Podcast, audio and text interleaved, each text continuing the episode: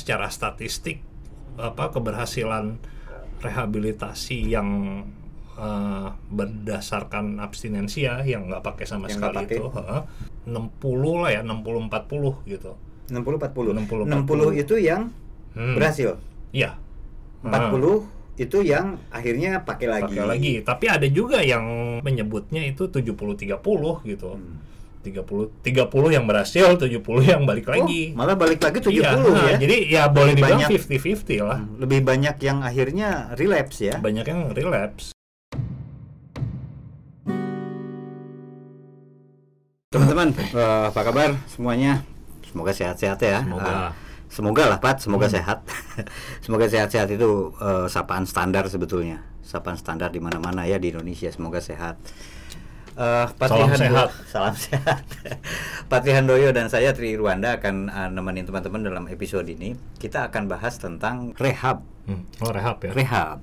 Rehab. Apa sih yang siapa sih yang nggak tahu soal rehab? Rasanya semua orang di Indonesia udah tahu lah apa itu rehab rasanya. Hmm. Jadi eh, gini kan eh, kabarnya undang-undang tentang narkotika di Indonesia itu mengakui adanya rehabilitasi kan gitu ya. Ya, bahkan salah satu tujuannya itu adalah menjamin upaya rehabilitasi Mhm, menjamin ketergantungan Ketergan- narkotika. ketergantungan narkotika betul jadi eh, dalam undang-undang itu kan eh, di ada landasan hukumnya artinya eh, rehab ini menjadi menjadi hal yang kalaulah dia diperlakukan sebagai pengguna kan itu ya dalam Mhm. undang-undang kan Mhm. eh, undang-undang 35 2009 itu Istilahnya pecandu. pecandu ya Mhm. eh, pecandu maka kemudian kalau dia bukan kategorinya bukan pengedar bukan penjual ya eh, eh, sorry pengedar ya bukan pengedar maka kemudian dia dikategorikan sebagai eh, penyalahguna Penyalahguna. maka kemudian di saat dia kecanduan ya dia harus dapat rehabilitasi kan Iya. gitu ya itu diakui dalam undang-undang dan eh, pada praktiknya juga menjamur banyak rehab kan gitu ya Pat ya Mhm. di Indonesia ini Eh, Setelah itu ya, setelah undang-undang itu ya. setelah undang-undang itu ya Hmm. eh, Setelah 2009 berarti. setelah 2009 berarti orang itu sebetulnya tidak harus berdasarkan undang-undang tidak harus semuanya dipenjara kan gitu Mhm. idealnya kan Mhm.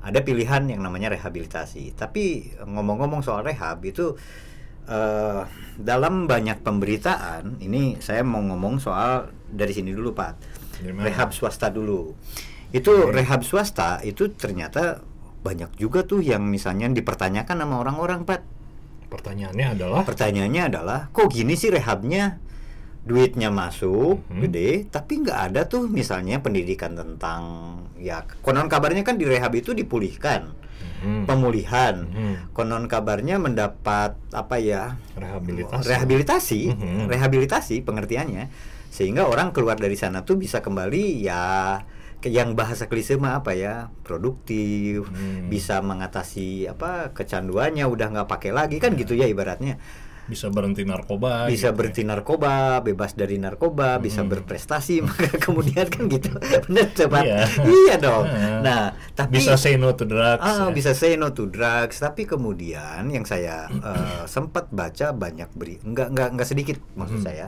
berita yang mempertanyakan kok ada banyak rehab abal-abal, rehab swasta. Rehab jadi abal-abal, iya, jadi jadi gini Pat, eh duit masuk, Mhm.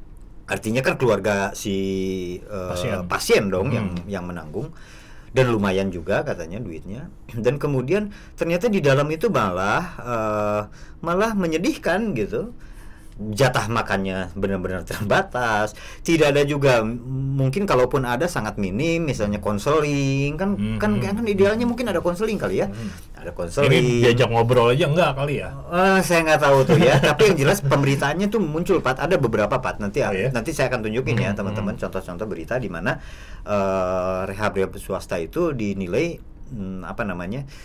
Saya nggak tahu apakah ada sertifikasi rehab dari Hmm. pemerintah. Itu nanti kita bahas sedikit ya. yang jelas ada sebagian yang boleh nggak sih nyebut oknum rehab?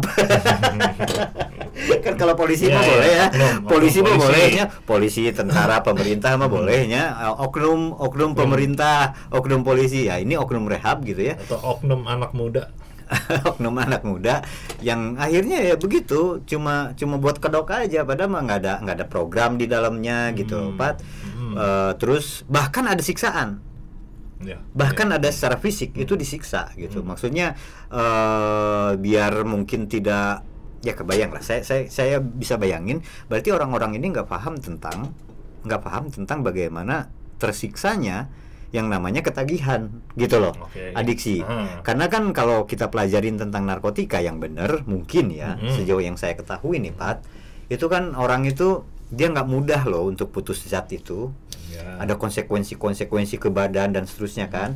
Nah ini ini malah eh, katanya ya pokoknya gimana caranya dia nggak pakai narkoba ya ada yang disiksa ada yang gimana gitu itu ada beritanya loh bukan kata saya ntar aku tunjukin ya ntar saya tunjukin ya oke.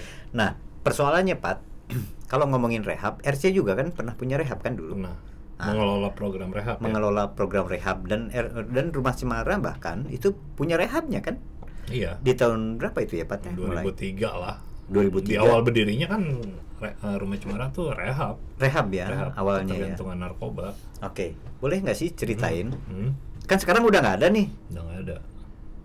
Kenapa? Jadi ditutup gitu misalnya. Saya nggak tahu ini apakah akan mem- mungkin sebagian di antaranya adalah rahasia dapurnya Rumah Cemara Hmm, mungkin. hmm. Jadi biarkan saja itu what happened in Vegas stay in Vegas gitu ya. Tapi maksud saya eh, mungkin ada beberapa hal yang sering kok ditanya. Ini masih sering jadi pertanyaan soalnya teman-teman. Eh, di antara teman-teman itu ada yang nanya eh, lewat eh, media sosialnya Rumah Cemara, Hmm. Bang. eh, ada rehab ya di rumah Cemara gimana sih syaratnya kalau mau masuk Masuk rehab di sana ada saudara saya misalnya pakai apa itu masih sering kok ada yang nanya gitu Hmm, Pat hmm. di kanal ini juga rasanya ada deh yang nanya eh, tentang rehabnya rumah Cemara Ya karena memang ceritain dong awalnya Mhm. itu ya Rumah Cemara itu tempat rehabilitasi untuk ketergantungan narkoba hmm. gitu dan memang waktu itu eh, kita programnya itu program rehabilitasinya rawat inap itu eh, sekitar enam bulan. Enam bulan. Dia si pasien ini ada di dalam satu tempat gitu nggak nggak keluar. Itu terus kemudian ada kayak pendidikan bukan pendidikan ya eh, apa ya ada di sesi diskusi kemudian ada sesi seminar kayak gitu gitulah kuliah gitu kali ya. Tentang gimana sih caranya eh, supaya mengatasi ketagihan untuk eh, pakai narkoba itu. Hmm. gitu jadi ya pendidikan lah itu. Berarti ada pendidikan Ya, di dalam ya ada proses itu ya ada prosesnya. pendidikan ke situ. enam bulan itu? Itu enam bulan Enam bulan. enam bulan Eh, ya kenapa enam bulan itu karena memang kami waktu itu ya paham lah untuk lepas dari ketagihan narkoba itu memang berat gitu ya Oh, gejala fisiknya aja itu bisa sampai sebulan gitu Hmm. untuk untuk eh, yang ketagihan putau ketika itu waktu itu lagi rame-ramenya Hmm, Putau waktu dan rame-ramenya putau Mhm.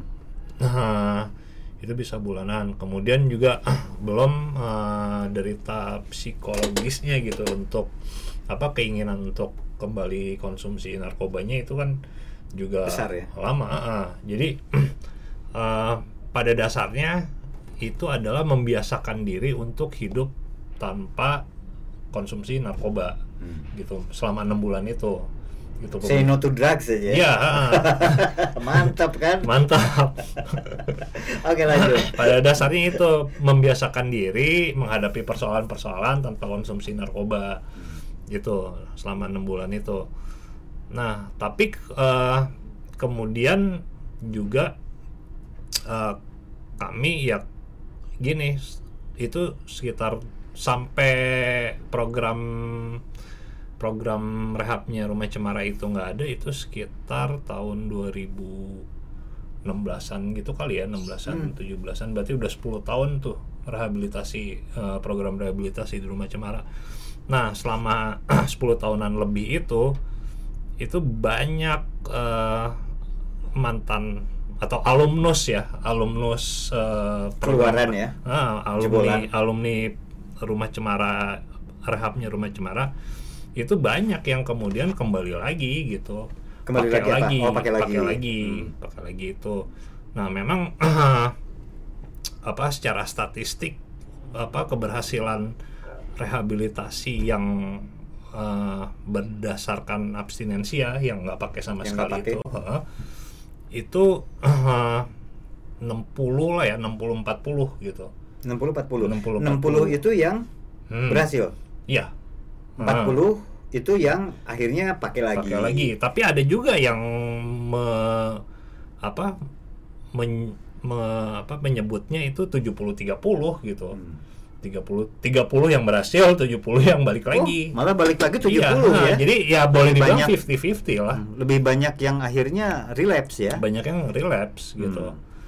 ah itu yang kemudian akhirnya eh, apa namanya rumah cemara tidak melanjutkan program itu lagi karena fakta-fakta itu fakta-fakta orang lebih banyak yang relapse Fakta-fakta seperti itu yang membuat akhirnya teman-teman di rumah Cemara berpikir Hmm. nggak ada gunanya gitu. bukan nggak ya eh, gini yang terpenting itu adalah bukan berhenti narkobanya Tapi? gitu tapi bagaimana dia bisa me, apa mengelola konsumsi narkobanya ya lu boleh eh, karena kan dulu banyak yang eh, pasiennya rumah cemara itu udah masuk ketika masuk rehab dia Mhm. udah HIV positif Oke. gitu-gitu ya Mhm. Eh, Karena puto ya waktu itu ya, ya. waktu itu kan banyaknya putau Hmm. Nah, makanya eh, akhirnya kita bagaimana supaya orang bisa mengelola konsumsi narkobanya. Misalnya, eh, kalau dia pakai narkoba, pakai suntikannya itu sendiri-sendiri gitu. Terus juga ya pendidikan-pendidikan yang eh, pendidikan-pendidikan mengonsumsi narkoba secara lebih aman gitu. Misalnya ya gitu habis habis make nggak nyetir Hmm. kayak gitu-gitu deh Hmm. gitu pendidikan-pendidikan yang seperti itu yang lebih diutamakan Hmm. Nah, eh, maka kemudian eh, Rumah Cemara tidak lagi melanjutkan program rehabilitasinya, hmm, tidak lagi menyediakan orang untuk eh, rehab ya. iya Itu eh, tahun berapa ya? Saya lupa lah. Pat, waktu itu 2017-an 2017-an ya. ya. 2017-an ya sudah 2017-an. ti- RC menutup eh, Hmm. eh, panti rehabnya. Kalau orang Hmm. bilangnya Ya, panti panti, rehab. Orang bilangnya panti rehab ya. Hmm. Ya teman-teman itu penjelasannya. Jadi eh, buat teman-teman yang masih bertanya juga, ya mohon maaf di Rumah Semara memang sudah tidak ada ya Pat ya Ada, panti rehab itu. Tapi ya ada kok. Setahu saya nanti akan kita bahas. Ada banyak rehab sebetulnya di di Bandung, di Jakarta, di mana-mana juga ada banyak kan sekarang menjamur sekali. nah itu tadi yang menyambung pertanyaan lo soal apa banyak rehab swasta yang kemudian asal-asalan Hmm, hmm. Gitu itu karena memang ya itu yang tahun 2009 itu undang-undang narkotika salah satu tujuannya itu menjamin upaya rehabilitasi Hmm. Nah, itu kemudian juga dari situ muncul ada istilahnya institusi pelaksana wajib lapor gitu ya. IPWL itu. Hmm, itu juga istilah yang absurd sih menurut saya gitu. Karena gini, eh, Ada gitu? Iya yang yang mau lapor gitu ya. Iya makanya, Ah, emang ada yang mau lapor gitu kalau udah pakai narkoba kan Hmm. kayaknya males banget gitu. Kan nggak harus yang pakainya aja, yang lain juga kan bisa lapor. Iya, Kakaknya, yang adiknya. mengetahui, ha, yang Ah. mengetahui orang tuanya gitu Hmm. juga kan harus lapor juga dalam itu. Wajib loh. iya. Karena kalau wajib enggak kan. Heeh, kalau enggak kan bahaya kan. Heeh. Dia Nah, mengetahui ada narkotika tapi diam-diam aja kan. Iya, itu bisa, ditangkap kena- juga. Iya, bisa ditangkap juga. Hmm. Nah, dari situlah muncul kemudian eh, institusi-institusi institusi-institusi tadi, ya, IPWL IPWL itu Eh, ya karena memang ada anggaran juga kali ya gitu Hmm. kayak kayak BNN gitu Kementerian Sosial itu menganggarkan untuk eh, apa namanya lembaga-lembaga masyarakat itu membuat institusi-institusi itu karena pemerintah sendiri kan juga punya keterbatasan gitu untuk itu untuk menyediakan tempat-tempat rehabilitasi yang paling yang kita kenal di mana sih Lido gitu ya Hmm. punyanya BNN BNN itu kan Ah. yang di Lido Sukabumi ya. Iya Sukabumi di Lido. Terus saya nggak tahu di mana lagi mungkin di Makassar deh kayaknya ada gitu. Tapi kan sangat terbatas jumlahnya. Nah dulu itu tahun 90-an sebelum ada undang-undang itu karena ramenya putau dan putau itu kan emang eh, tingkat ketergantungannya tinggi ya. Tinggi. itu banyak tempat-tempat rehabilitasi yang muncul ketika itu. Hmm. Gitu termasuk juga pesantren Hmm. pesantren-pesantren itu banyak menerima bahkan ini apa pengobatan-pengobatan alternatif Hmm. gitu ya Eh, ya eh, dulu tuh suka ada tuh eh, di koran iklannya iklannya ya. bisa menyembuhkan ketergantungan narkoba gitu Iya. ketagihan narkoba itu mirip dengan mengingatkan saya pada iklan iklan ini teman-teman yang me- menyembuhkan HIV AIDS Ya. itu itu mirip itu Aha. itu itu berbarengan lah waktu itu juga banyak kan atau bisa iklan-iklan disetarakan gitu. dengan ini iklan penambah tinggi badan bisa Gitu. tapi mah sejajarnya jeung ieu iklan sedot WC di di apa namanya di di di tiang listrik biasanya nempelnya kan kan gitu kan oke lanjut itu itu banyak banyak eh, nah eh, waktu itu untuk eh, orang-orang yang menengah ke atas Mhm. it- mereka lebih mudah lebih mudah mendapatkan itu karena waktu tahun segituan orang-orang kaya di Indonesia gitu ya di Jakarta dan sekitarnya mereka merehab anaknya itu di luar negeri. Kayak misalnya kebanyakan di Malaysia di Singapura gitu ya. Oke. Program-program itu nama program-programnya itu biasa dikenal dengan therapeutic community Hmm. itu therapeutic community itu pernah ditanyakan juga tuh Iya. oleh oleh Ah. salah satu uh, subscribernya kanal ini ya kanal ini bahas tentang therapeutic community dong gitu Community. oke Nah, therapeutic community itu kan dasarnya adalah eh, ya komunitas sesama sesama pecandu sebutlah gitu ya. Mhm, mhm. Itu membantu pecandu yang lain. Hmm. Seperti itu. caranya seperti apa sih membantu yang lain itu dia kan Nah, lagi kecanduan nah yang lain ini- juga kecanduan Ini gimana sih emang emang banyak modelnya gitu. Ah. Kalau ah, yang lu ketahui aja lah yang diketahui Mhm. ya itu eh, orang yang sudah berpengalaman hidup tanpa narkoba gitu ngasih tahu ke ke pecandu yang Hmm, lain ngasih gitu. kiat-kiat gitu Hmm, ya kiat-kiat tapi yang ke- kebanyakan terjadi eh, memang abuse juga gitu banyaknya abuse tuh maksudnya gini eh, nggak usah rehab lah Eh, institusi pendidikan aja. Itu kan banyak sen yang Oh, yang asrama ya yang oke, asrama. ada itu kan banyak senioritas, ada senioritas gitu yang jun- yang baru masuk disuruh disuruh suruh tuh. Di ospek heula nya nggak hanya di ospek se- se- kesehari-hariannya Mhm. itu misalnya disuruh nyapu apa bersihin ini mijitin. Tapi itu bagian dari therapeutic community enggak, kan enggak. Kan gue bilang abuse itu. Penyalahgunaan penyalahgunaan wewenang harusnya kan nggak kayak gitu. Hmm. kan ya orang di disuruh-suruh kayak gitu diperintah-perintah apalagi disalahgunakan itu kan jadi punya apa ya punya eh, ke- bukannya malah seneng ada di situ malah berontak kan. Hmm. makanya banyak juga tuh waktu itu eh, atau bahkan mungkin sampai sekarang ya pasien-pasien rehabilitasi kabur gitu dari tempat rehabnya. Nggak tahan. Nggak tahan. Karena itu tadi disuruh mijitin lah disuruh bikin em, disuruh masak gitu gitu lah. Hmm. itu itu banyak tuh penyelewengan penyelewengan ya sampai mungkin hari ini yang tadi lo bilang gitu. Bahkan sampai mak jatah makannya juga dikurangin. Hmm. Kayak gitu gitu Tapi kan kalau itu oleh peng- pengelolanya Pak, bukan oleh senior seniornya kalau itu. oh yang itu ya yang, Ah, yang jatah yang, makannya yang gua itu ceritakan dari berita-berita Ah, ah. itu. Tapi kan kalau ini yang dalam konteks therapeutic community yang lu maksud itu adalah uh, pasien-pasien yang Pasien. senior ya. Iya kan namanya terapi yang tadi gue bilang pecandu pecandu Menolong yang pecandu, senior ha. pe- menolong pecandu yang baru masuk Hmm, gitu. Alih-alih Jadi menolong, memang yang yang agen terapinya itu ya senior, senior itu. Eh, Iya, tapi yang kenyataannya banyak terjadi praktiknya alih-alih menolong Mhm. malah mengabuse ya, me- membuat mereka jadi kacung dan Iya, sebagainya iya, gitu ya. Ah sebutnya oknum senior ya sama Pat. oknum lagi Pat. Oknum Oke, senior. iya, iya, Oke. iya. Jadi eh, gitu ya yang Nah. terjadi dengan therapeutic community. Nah itu Tapi itu jadi lazim, sorry. Eh, tapi itu lazim di, di di beberapa panti rehab seperti itu ya di luar negeri. kebanyak di Contoh lah yang lu tadi nyebut tadi kan Singapura, ah, Malaysia ya. Singapura, Malaysia.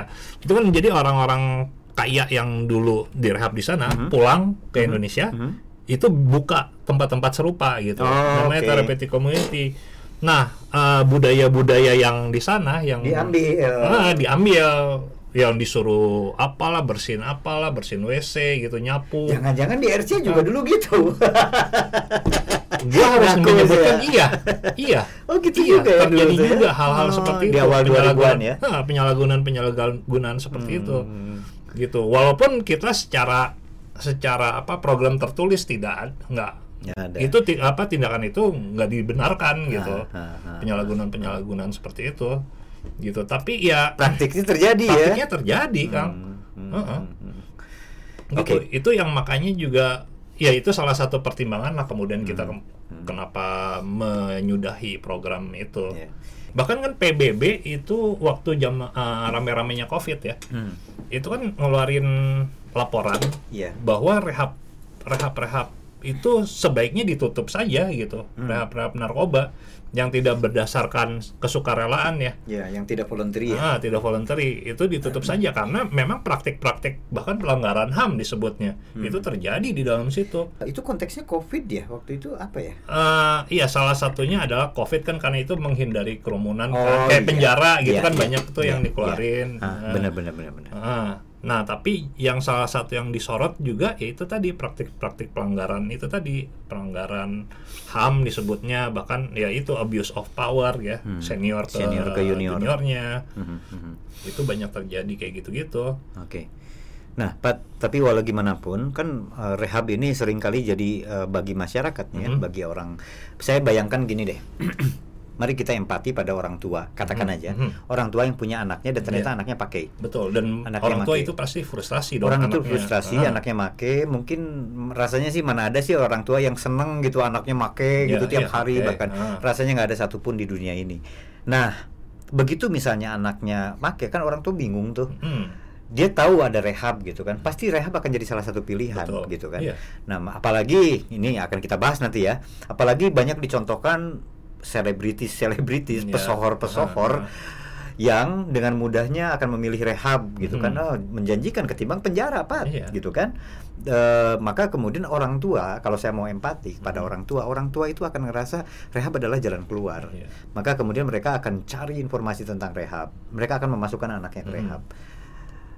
Apakah yang mereka lakukan itu akhirnya sia-sia atau sebetulnya tetap ada manfaat dong dari sebuah rehab? tetap menurut ada, lu, tetap menurut ada lu. manfaat sih tetap Hmm. ada manfaat tapi ya itu eh, apa ya eh dan saya juga gini nggak nggak semua rehab itu brengsek ya Hmm. gitu ada juga yang benar Mhm. gitu kan ada juga yang benar nah orang tua itu juga ah, harus gini kalau dulu ya karena kita, saya pernah mengelola tempat rehab jadi rehabilitasi ketergantungan narkoba yang benar itu ah, pendekatannya adalah gini bahwa yang perlu dibenahi, yang perlu direhab, sebutlah gitu ya.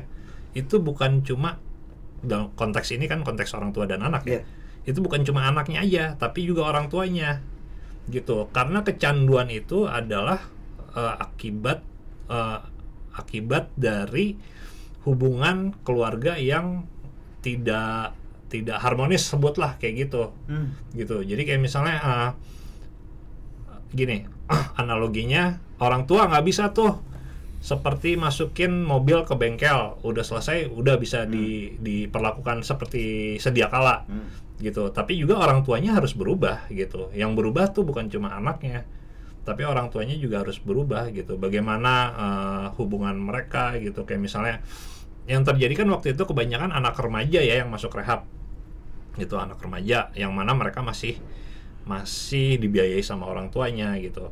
Eh, contoh gampangnya adalah jangan lagi di kemudian anaknya dimanjakan gitu segala-galanya harus dipenuhi Oh, harus ada harus ada ketegasan dari orang tuanya kayak Hmm. gitu-gitu artinya orang tua juga harus mulai eh, apa mengubah cara mendidik dan Iya. cara cara memperhatikan eh, memperhatikan anak-anaknya kan Hmm, gitu ya. cara asuhnya Cara ya. asuhnya ya. Hmm. Oke, saya kira tadi saya sempat heran juga kok lu bisa-bisanya mengeluarkan pernyataan yang klise gitu. yang betul? klise begini kan gini. Ini kan ini soal harmonis tidaknya. Gua kira tadi eh soal harmonisnya orang tua banyak remaja yang karena broken home maka Ah, dia pakai karena narkoba. Itu kan klise Nah, kan? iya, bukan, banyak bukan, juga di bukan. antara. Soalnya gini teman-teman kenapa saya bilang itu klise dan kadang-kadang nggak terbukti Iya, juga. itu nggak gitu. Itu mitos kadang-kadang. Ah.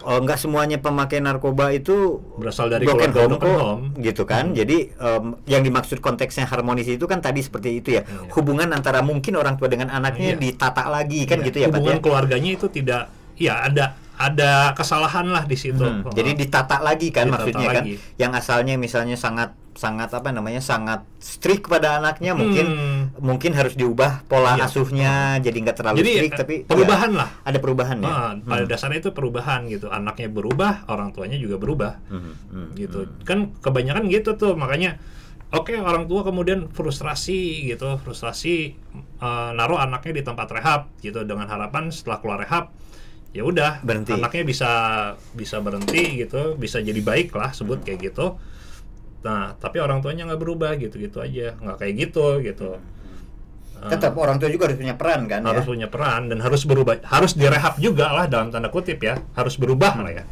Rehabnya itu tapi ya tidak harus seperti di panti gitu kan. Seperti maksudnya di asrama kayak gitu kan orang tuanya. Oh, orang enggak, tuanya mah enggak kan. enggak, enggak. Yang di panti itu tetap anaknya kan. Iya, Maksud dan gitu waktu kan? itu Rumah Cemara di awal-awal juga kita mengadakan ini, Kang. Orang tua tuh harus ketemu gitu. Oke. Uh, uh, secara rutin seminggu sekali Hmm. gitu.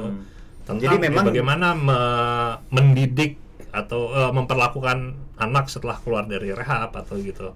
Jadi memang si pengelolanya inilah yang harus membuat sistemnya ya, Hmm. sistemnya untuk ketemu dengan orang tua, eh, apa mendiskusikan tentang perkembangan-perkembangan anaknya kan gitu ya? Iya, harus uh, tidak hanya bukan fokusnya bukan ke anaknya, justru ke orang Ke orang tuanya, tuanya. gitu. Oke. Makanya saya curiga itu yang tadi lo sebut rehab asal-asalan itu Abal-abal mereka itu. ya hanya fokusnya ke perilaku Anak. anaknya Oh, aja gitu nggak oke. nggak ke orang tua gitu nggak nggak keluarga itu Padahal bisa jadi lu ingin bilang bahwa padahal bisa jadi penyebabnya bukan satu-satunya karena perilaku anaknya. iya Bisa jadi ada faktor lain, orang tua, kakak, adik atau mungkin lingkungan di rumah yang tidak mendukung itu Iya ya. kan sering nih kayak ah, misalnya pecandu narkoba itu sering dijadikan kambing hitam di dalam keluarga Mhm. gitu kayak misalnya ah gara-gara dia nih pakai narkoba gitu jadi si orang tua sakit-sakitan lah Hmm, apalah tapi kan belum tentu siapa tahu penyebabnya gara-gara orang tuanya punya banyak utang gitu atau Hmm. gimana gitu yang Lu, lu bukan lagi curcol nih ya?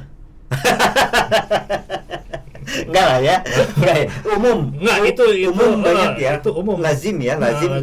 Eh, kerap selalu dikambing hitam kan kan ini gara-gara dia pakai narkoba nih jadi keluarga gua jadi miskin lah dan seterusnya segala penyebabnya itu seolah-olah si anak ini Iya, gitu kan ah. ya. Oke. Nggak Padahal gitu. bisa jadi ada faktor lain. Nah, gue curiganya yaitu rehab-rehab yang sekarang itu eh, tidak mem- memperhitungkan atau mempertimbangkan untuk eh, rehabilitasinya secara komprehensif. itu komprehensif tadi. Eh, sampai ke menyentuh bagaimana eh, relasi ya eh, hubungan ya antara Hmm. orang tua dengan anaknya Hmm. misalnya orang tua dengan kakaknya Iya. atau eh, sorry eh, Si pecandu si dengan- pecandu dengan kakaknya Ah. misalnya atau dengan adiknya kan gitu ya mm-mm.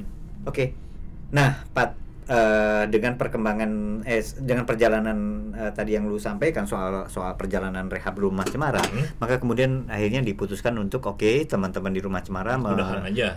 udahan aja deh dari Ah. rehab gitu guys say goodbye lah ke Yap. rehab gitu ya Hmm. tapi faktanya kan rehab-rehab di luaran itu banyak banyak. Oke, ya, ya. di luar itu banyak rehab Hmm, gitu hmm. panti rehab. Nah, nah sejauh ini kan rehab balik lagi tetap banyak orang tua yang tetap men- me- me- me- menyandarkan harapannya pada panti rehab. Nah masalahnya Pat ini pertanyaan juga yang sering eh, umum umum ada di kepala orang. Apakah setiap pecandu harus direhab Pat Ah, ah, gini, Nah, untuk iya. bisa berhenti Nah, nih ya. Gitu, salah satu salah satu alasan kenapa kita menutup perhab itu juga gini. 2017-an itu eh, yang banyak masuk ke tempat rehab itu, tempat rehabnya Rumah Cemara atau yang dimasukkan sama orang tuanya itu adalah orang-orang yang bermasalah dengan misalnya sinte Hmm. gitu, sabu Hmm. Kayak gitu-gitu. Jadi bukan heroin ya? bukan heroin gitu. Kalau heroin kan memang di- dibutuhkan tem- apa namanya tempat isolasi lah sebutlah Iya. kayak gitu ya, tempat isolasi gitu. Nah tapi kalau yang kayak ganja gitu itu kan emang sebenarnya nggak perlu rehab yang yang sampai diisolasi kayak gitu Oke. karena karena memang eh, di banyak di banyak apa literatur gitu apa namanya ganja apa terutama ganja ya itu nggak nggak apa nggak membutuhkan Tingkat kecanduannya Ah, tingkat rendah. ketergantungannya rendah gitu sehingga ketimbang tidak heroin ya. ah, tidak membutuhkan program rehabilitasi gitu Nah, saya ngedengar itu barusan saya kok jadi membayangkan berarti sebetulnya harusnya ada kategori-kategori rehab kali lebih spesifik lagi kali Pat. Jadi gini misalnya, panti rehab Putau, Hmm. panti rehab ganja kali kalau ada, panti rehab apa sinte kali. Iya dong. Iya, bisa aja. Yang- ya. Nggak, nggak umum ya, nggak umum. Iya, nggak Misalnya umum. gini deh, sabu Hmm. itu hanya 11% dari semua konsumennya yang membutuhkan rehabilitasi. Program ya, program rehabilitasi. Hmm. Itu data dari eh, PBB. Oh gitu ya. Iya, Jadi yang metamfetamin itu iya. itu eh, hanya 11% dari 100% pemakainya, Hmm. konsumennya itu yang membutuhkan rehabnya. Iya. Bahkan yang mengembangkan ketergantungan gitu, yang menjadi ketergantungan sehingga membutuhkan tem- eh, rehabilitasi itu. Nah, artinya kalau mau spesifik seperti tadi, jangan-jangan dia memang beda-beda dan nggak nggak bisa juga ya rehab satu panti rehab nih ya, Mhm. saya bayangin ya, Mhm. satu panti rehab Mhm. itu mengelola semua ini kecanduan ini kecanduan ini nggak nggak bisa juga, harusnya spesialisasi dong. Eh, harusnya spesialisasi dan berdasarkan kesukarelaan. Artinya Hmm. si orang yang merasa bermasalah dengan ke dengan konsumsi narkobanya itu dia datang sendiri ke. Saya butuh nih, Iya. saya bermasalah nih. Berangkatnya dari kesadaran yang bersangkutan Iya, ya, dari kesadaran. Dari Ah. kesadaran yang bersangkutan untuk datang, misalnya but aja ke RC, Mhm. eh, saya pengen rehab, saya Hmm. mengalami eh, kecanduan, katakan aja gitu. Dan saya ingin dalam tanda petik sembuh gitu Iya, kan bahasa ah, awam seperti sembuh, itu ya. ah, Saya ingin sembuh. Nah, misalnya. yang terjadi di Indonesia kan nggak kayak gitu karena ada undang-undang tadi, terus kemudian ada institusi-institusi pelaksana wajib lapor, gitu, yang konsumsi narkoba itu bisa dipenjara kalau nggak ngelapor. Mhm. Itu maka kemudian eh, sifatnya menjadi paksaan kan, kewajiban, gitu. Itu yang kemudian banyak yang kayak gini deh, siapa ya? Eh, seleb ya, seleb banyak banget seleb yang Seleb. akhirnya pilih rehab. pilih rehab setelah itu pakai lagi Pakai. ya itu banyak yang kemudian kayak gitu ya makanya PBB itu mengusulkan bahkan ya menge- apa mengeluarkan surat, surat edaran ya Mhm. supaya supaya di di apa ditutup aja tuh tempat-tempat Tempat rehab gitu yang kayak Lalu gini, andaikan itu benar, Mhm. panti rehab itu sebut aja tutup. Terus apa lagi yang bisa masyarakat peroleh untuk bisa katakan saja orang tua yang tadi. Saya Hmm. bayangin pemakai itu banyak, pengguna itu banyak, terus harus kumaha ya kalau nggak ada panti rehab coba. kan ada peranata-peranata yang lain gitu Kayak Misalnya? misalnya Hmm. institusi keagamaan Pesantren. yang nggak harus pesantren kan Hmm. gitu kan ada tuh orang banyak lah yang menganggap orang pakai narkoba karena dia kurang ajaran agama Oh, gitu oke. kurang mendalami Hmm. agama Hmm. oke Hmm. itu kemudian juga medis Hmm. gitu institusi medis gitu dokter lah apa psikolog Hmm. gitu itu kan bisa digunakan sebagai eh, apa solusi atas masalah ketagihan narkobanya dia Hmm. Jadi bukan lu ingin bilang bahwa panti rehab itu bukan satu-satunya ya. Iya. Sebetulnya yang Ah. bisa yang bisa jadikan harapan orang. iya Oke, ada banyak yang lain. karena ya itu karena eh, apa tingkat kekambuhannya juga besar Besar juga ya kalau ngelihat 50-50 ya kalau ngelihat yang lu 50, bilang tadi ya. Hmm. Heeh. Pat, eh, sejauh yang lu ketahui juga, oh ya teman-teman boleh ya kalau misalnya ada yang pernah punya pengalaman di rehab misalnya dan berhasil misalnya Mhm. atau gagal juga boleh, boleh teman-teman bercerita di sini di kanal ini sebebas mungkin teman-teman mau cerita tentang liku-liku rehab. Karena buat saya ini men- menarik pat. Gini gimana? makin menjamur belakangan ini rehab ini makin banyak gitu loh. Saya mudah menemukannya eh, di tahun dulu ya tahun misalnya 10 eh, satu dekade lalu lah atau dua dekade lalu 20 tahun lalu mah sejarang gitu ya saya kalau kalau nyari tentang informasi tentang rehab. Tapi sekarang mah banyak Pat. Banyak, banyak. mudah ditemukan gitu. Artinya kan saya membayangkan kalau kalau lah ini banyak Mhm. ini berarti memang permintaan untuk itu ber- berarti tinggi Ya, emang berarti tinggi Emang iya tapi ya masalahnya lagi-lagi di Indonesia itu kan eh berdasarkan kewajiban gitu bahkan ancaman pidana hmm. gitu sehingga orang akhirnya memilih itu memilih rehab bukan karena gitu. kesukarelaan tadi bukan karena kesukarelaan dan Banyak. juga gini Gimana? kalau mau mengandalkan kalau mengatasi kecanduan itu penting dan kemudian orang anggaplah bisa ikut rehab dan hasilnya akan efektif jika diawali dengan kesukarelaan hmm, prakarsanya dari kesukarelaan diri sendiri, ah, dari diri ah. sendiri. Pat, apakah mungkin seorang atau ini mitos saja seorang gue pakai istilah awam ya Uh-huh. seorang pecandu gitu emang bisa gitu punya ada ke, ada apa namanya ada kesadaran gitu Hmm. menunggu kesadaran orang itu kan lama pak untuk sembuh dalam tanda petik Iya. Masa sih harus mengandalkan kesadaran orang dulu sementara itu jelas-jelas misalnya satu ada ancaman hukuman Mhm. ada ini ada itu Mhm. ada mungkin secara fisik juga akan akan terkuras kalau pakai-pakai terus misalnya karena tidak sesuai dosis TA-nya Mhm. tidak sesuai eh, apa eh, skema medis misalnya masa harus nunggu kesadaran itu repot kan kalau segala sesuatunya harus nunggu voluntary voluntary Hmm. harus ada paksaan dalam hal ini gimana menurut lo harus ada paksaan ya hmm. gimana kalau Iya menurut emang eh, kayak narkotika eh narkoba narkoba yang apa masuk ke golongan satu gitu yang dipidana kayak ketagihan heroin gitu misalnya. Ganja juga. Ya ganja. Itu kan memang salah satunya adalah eh, yang dimaksud paksaan di sini ini apa sebagai pengganti hukuman pidana. Hmm.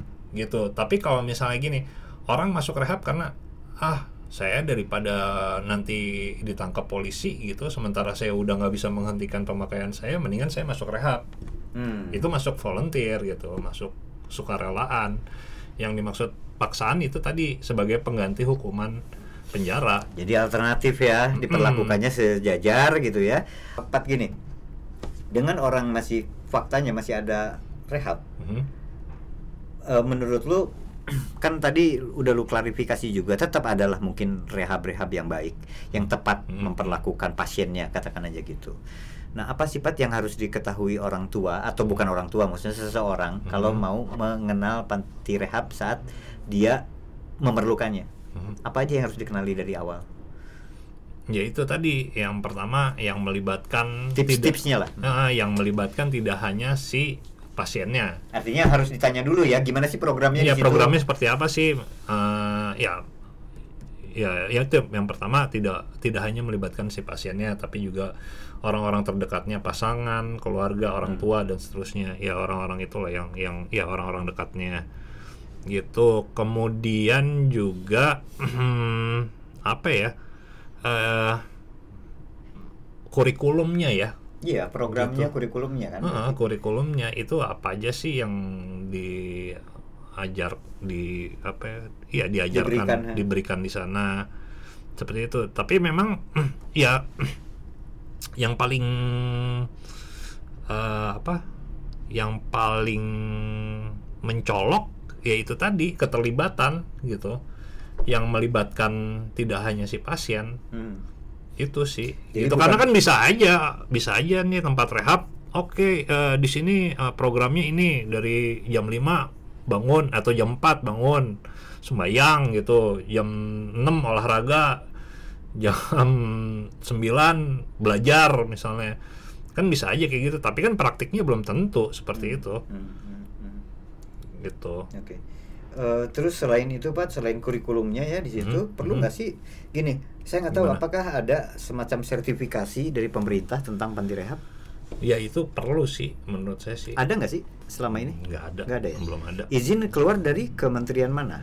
Untuk mendirikan waktu dulu panti rehab. rumah cemara punya izin dari Sosial ya? dinas sosial Kementerian Sosial ya Ah, berarti ya? ah, Oke, ke sosial. sana. Oke, jadi dari Kementerian Sosial, tapi rehab. itu juga tidak nggak pernah di apa ya Ya, saya pernah dengar- diaudit gitu ya, lah saya dengar teman-teman rumah cemara pernah heran juga dengan misalnya kok monitoringnya ya. Hmm, Uh, monitoringnya. monitoringnya kok nggak pernah dilakukan atau minim lah Mhm. minim supervisi ibaratnya Iya, gitu ya iya. gimana kalau kemudian rumah cemara malah seenak-enaknya perut Mhm. misalnya Kan bisa aja, bisa aja kan mungkin. artinya abuse terjadi Mhm. kemudian juga apa namanya ya melenceng dari dari tujuan misalnya Mhm. Dan jangan-jangan ini juga yang terjadi sehingga banyak banget rehab abal-abal yang saya Iya, bilang tadi iya. kan gitu. Tapi ya abal yang eh, apa eh, SDM SDM-nya itu nggak nggak punya sertifikat nggak terikat ke misalnya apa ya ikatan dokter atau ikatan psikologi atau apalah. Ya ikatan ini konselor. Nah, i- ini juga kan karena eh, konsumsi narkoba ini masih dianggap sebagai aib hmm, gitu ya. Maka jarang juga tuh orang yang kemudian atau orang tua ya yang mendatangi profesional Mm-mm. gitu untuk minta pertolongan bahwa salah satu anggota keluarganya itu bermasalah dengan narkoba. Itu kan masih jarang juga. Tahun 90-an itu 90-an akhir itu eh, yang tadi saya bilang tuh tempat-tempat rehab yang apa beraf eh, apa sebutlah cabang dari Malaysia cabang dari Singapura itu itu mereka mendapatkan pasien-pasiennya dari dokter-dokter psikiater. Hmm. gitu. Jadi ah, si karena ketagihan putau ya gitu. Kan itu emang ada ada apa gejala putus obat secara fisik. Itu mereka berobat dulu ke dokter gitu. Baru kemudian dokter ini merujuknya ke tempat-tempat rehab itu. Gitu. Hmm. nah dengan kata reh apa istilah rehab sendiri itu sudah makin akrab di telinga masyarakat maka kemudian banyak juga kan kemudian orang-orang yang bertanya ke rumah cemara sebutlah kayak gitu ya Eh, gimana sih caranya masuk rehab? kayak gitu-gitu. Nah jadi memang apa ya itu ya gini deh harus di apa keluarga itu harus punya punya apa kesadaran juga bahwa ya kalau emang itu menjadi masalah ya datanglah ke profesional gitu. Profesional medis profesional kejiwaan psikolog gitu ya. Itu untuk mengatasi masalah itu. Pertanyaan lainnya buat lu yang lu ketahui soal soal ini gimana? Gimana? Apakah orang yang mengelola panti rehab itu harus mantan pecandu? enggak juga Enggak juga. Enggak juga. Kan banyak juga sih yang yang emang orang-orang profesional gitu ya di bidang itu buka panti rehab. Kayak dulu misalnya siapa ya? eh, Profesor Dadang Hawari gitu misalnya kan punya punya tuh tempat rehab. Al Bahri Husin gitu dulu punya tempat rehab. Hmm. Ya gitu-gitu. Ya dokter-dokter profesional. Jadi pada pada faktanya banyak banyak juga yang bukan pecandu ya. Mm-mm, tapi kan ada juga yang ya makanya jadi therapeutic community itu kayak contohnya yang paling tenar tuh di Amerika Betty Ford Center. Gitu ya. Ah, Betty Ford tuh kan istrinya presiden dan dia akhirnya kan dia ke dia alkoholik gitu. Alkoholik dan ketika udah udah sembuh dari alkoholismenya dia mendirikan Betty Ford Center itu. Gitu dan itu jadi tempat rehab yang ya kelas atas lah di sana. Ya, sosialita ke sana Mm-mm, larinya mm-mm. kan gitu. Mm. Mengatasi kecanduan alkohol aja atau setahu lu alkohol sama yang lain juga? yang lain drugs lah ya Nah, ya. sebenarnya kan intinya gini intinya kenapa kenapa eh, rehab rehab rehab ini yang dimaksud adalah rawat inap ya ya, ya. itu dibutuhkan untuk melewati masa masa sakaunya Hmm. gitu setelah dia melewati masa sa- sakaunya dianggap itu dia bisa gitu untuk nggak pakai itu lagi Hmm. Setelah melewati masa sakaunya Ah, kan. setelah melewati masa sakaunya Hmm. itu Nah, artinya yang justru dilihat saja eh, zat yang paling menimbulkan ketagihan paling tinggi gitu kan ya. Hmm. Salah satunya heroin ya. Iya. Maka kemudian beralasanlah perlu ada panti rehab heroin gitu maksud lu kan? Hmm. Itu kan yang ingin lu bilang. Tapi kalau yang lain yang mungkin tidak yang bisa dalam tanda petik berhenti dengan sendirinya, Hmm. contohlah ganja misalnya, Hmm. yang ngapain juga pakai panti rehab gitu ya? Iya, bahkan kan gitu kayak ya? di kayak di Portugal. Hmm. Di Portugal itu orang yang kedapatan punya ganja untuk konsumsi pribadi ya. Itu dia ada ada kayak di Indonesia namanya asesmen terpadu gitu ya. tim asesmen terpadu Ah, TAT itu ya. ah, untuk masukin ke rehab. Kalau dia kedapatan bawa ganja, dia nggak dimasukin apa namanya fasilitas kesehatan tuh. Hmm, Tapi Dibiarin aja biarin aja. dibiarin aja karena memang nggak butuh gitu Nggak butuh. Heeh, kecuali dia kedapatan bawa heroin gitu Hmm. itu baru di dimasukin Ya karena diakui kesehatan. karena diakui heroin mah memang berbahaya dalam punya arti iya punya tingkat kecanduannya iya. tinggi, Heeh. luar biasa tinggi ya. Hmm. Selain heroin apalagi sih yang tingkat ini sekalian mengingatkan yang lain juga yang tingkat kecanduannya mirip-mirip itu, yang tinggi juga. kokain ya Kokain ya, ha. kokain ya. sebenarnya alkohol juga loh Alkohol ya, Heeh. alkohol ya. Mm-mm. Makanya kan kayak Dan rokok ya sebetulnya. iya Kebayang nggak kalau lu ada panti rehab rokok? Coba deh perhatiin. Tingkat kecanduan orang merokok itu luar biasa tinggi kan? iya Iya nggak sih? Ah. Diakui. Hmm. Itu jangan-jangan butuh panti rehab juga. kebayang tuh aya loba pisan panti rehab. Ya. Amun aya kesadaran kayak gitu kebayang tuh Pat eh. Sok ya. iya Di mana-mana tiap pengkolan, tiap pengkolan ada teman-teman panti rehab merokok gitu. Saya pengen tahu tuh Pat. lu tahu nggak kenapa Ya. nggak nggak ada tempat rehab rokok karena rokok itu nggak dipidana Iya, iya kan Iya. Heeh. iya. Alkohol juga sama. iya nggak Minum ada kan alkohol tempat nggak rehab dipidana. alkohol di Indonesia Nggak ada. nggak ada Ah. iya Iya sih, soalnya hukum kali ya. iya hukum Nah, ada soal hukum di situ. hukum dan kemudian kan gini ya karena dia dipidana gitu harganya semena-mena semena-mena si produsennya ya si pengedarnya gitu dan ya karena itu ketagihan juga sama kayak rokok kan harus beli harus konsumsi itu setiap hari ya makanya dia bermasalah secara finansial gitu. Hmm. sehingga membutuhkan rehabilitasi. Gue udah bermasalah nih sama ini gitu. Jadi rehabilitasi deh ujung jatuh-jatuhnya.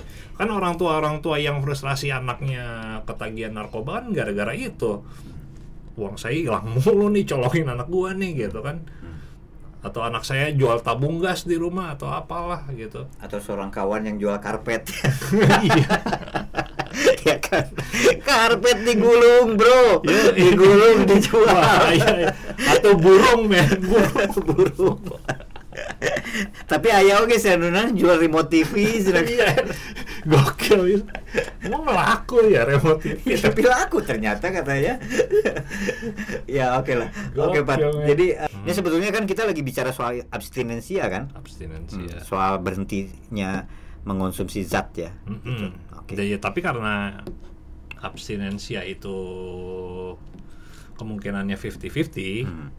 ya maka ya itu tadi orang jangan kemudian percaya saja bahwa oh iya tempat tempat kami ini bisa menyembuhkan narkoba gitu ya jangan gampang percaya juga Iya, gitu. harus cukup kritis lah. Iya. Itu kan pesannya kan Ah. ingin kita sampaikan ya. Harus cukup kritis karena juga itu bakal bergantung dari jenis zat juga barangkali yang dikonsumsi, Mhm. bagaimana kurikulumnya, Yep. ya kan? Mhm. Dan bagaimana juga pengelolaan di dalamnya bisa ya kalau abal-abal mah tepat udah bisa ditebak hasilnya juga kan gitu ya. Ya nggak sih? iyalah Dan yang pasti mah tapi tidak- kan kita nggak tahu dia abal-abal apa enggak kan bisa didatengin tempatnya bener apa enggak. Kan orang tua boleh dong ngelihat Ah. gitu. Sewaktu orang tua sama sekali nggak boleh ngelihat ah. Oh iya, itu- udah iya, itu- seharusnya udah indikasi Iya, dong. Iya, iya. Loh, ini gua kan ke sana tuh bukan untuk menjauhkan dari orang tua kan gitu. Hmm. Men- apa dalam tanda petik menyekolahkan anaknya ke rehab. Hmm. Tapi kok ini nggak boleh sama sekali atau apa? Harusnya mulai curiga dong. Mhm. Harusnya jadi indikasi dong, kan gitu. Mhm, mhm. Ya, tanpa bermaksud menghakimi ya teman-teman, menghakimi panti rehab tertentu, tapi ya kita selalu berharap teman-teman dan kami percaya teman-teman tuh cukup kritis melihat lembaga-lembaga seperti itu. Iya Gitu, kan ada banyak juga yang yang apa tempat-tempat rehab itu sekarang kong kali kong sama aparat Hmm. sama aparat Ya, penegak hukum. saya saya pernah dengar itu Hmm. juga. Jadi eh apa namanya? Dari satu kasus, Mhm. dari satu kasus langsung saja itu dioper ke panti rehab gitu ya. Panti rehab. Eh, tidak ada asesmen dulu, Ya. tidak melalui prosedur yang semestinya peraturan perundang-undangan lah katakan aja gitu ya Mhm, Pat ya. mhm. Di rehab kan berarti ada biaya keluar juga Iya. ya. Dan ya ajang money gitu ajang apa eh, tawar menawar pasal kan. Itu misalnya Uh-huh. ya kenapa ada tawar menawar ya berarti ada ekonomi di situ ada duit berputar kan gitu. Mhm. Saya nggak tahu ini akan ditangkap apa enggak. yang jelas kita kan nggak menyebut nama, Oh betul enggak, nggak? enggak, kita enggak. hanya kita hanya menjemput polisi aja kan. kita hanya menyebut fenomenanya yang sering terdengar jadi gosip-gosip seperti itu Ah. kan gitu ya Pat ya Ah. ada gosip-gosipnya seperti itu jadi kong kalingkong lah Hmm, gitu hmm. ada beberapa rehab yang katanya begitu Hmm. gitu kan jadi Yoi. ajang mainan tawar-tawaran pasal gitu dulu ya Sip. oke kami pamit semoga ada manfaatnya teman-teman mohon maaf kalau ada ya kurang dalam informasinya atau apa kami pamit. Yuk selamat siang. Terima kasih